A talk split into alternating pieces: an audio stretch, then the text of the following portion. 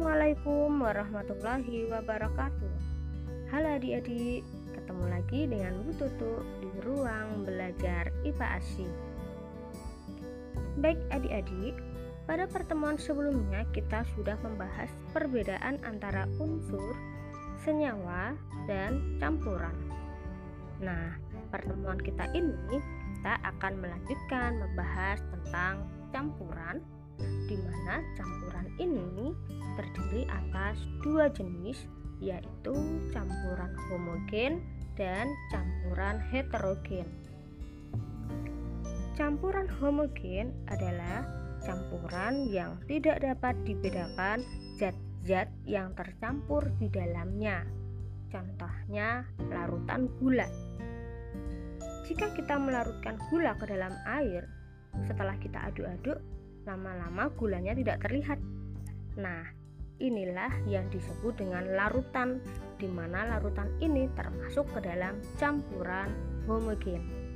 Selain larutan gula, contoh lain dari campuran homogen ada larutan asam, basa, dan garam. Untuk asam, basa, dan garam akan kita bahas pada pertemuan selanjutnya. Nah, Campuran yang kedua ada campuran heterogen. Campuran heterogen adalah campuran yang masih dapat dibedakan zat-zat yang tercampur di dalamnya. Campuran heterogen ini terdiri atas dua jenis, yaitu suspensi dan koloid.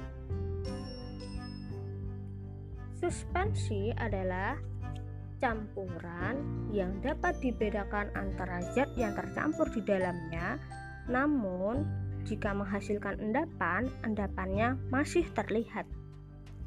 Contohnya, campuran antara air dengan pasir. Maka kita masih bisa membedakan di mana airnya, di mana pasirnya.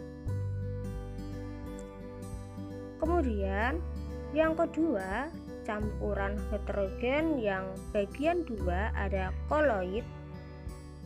Koloid ini hampir sama dengan suspensi.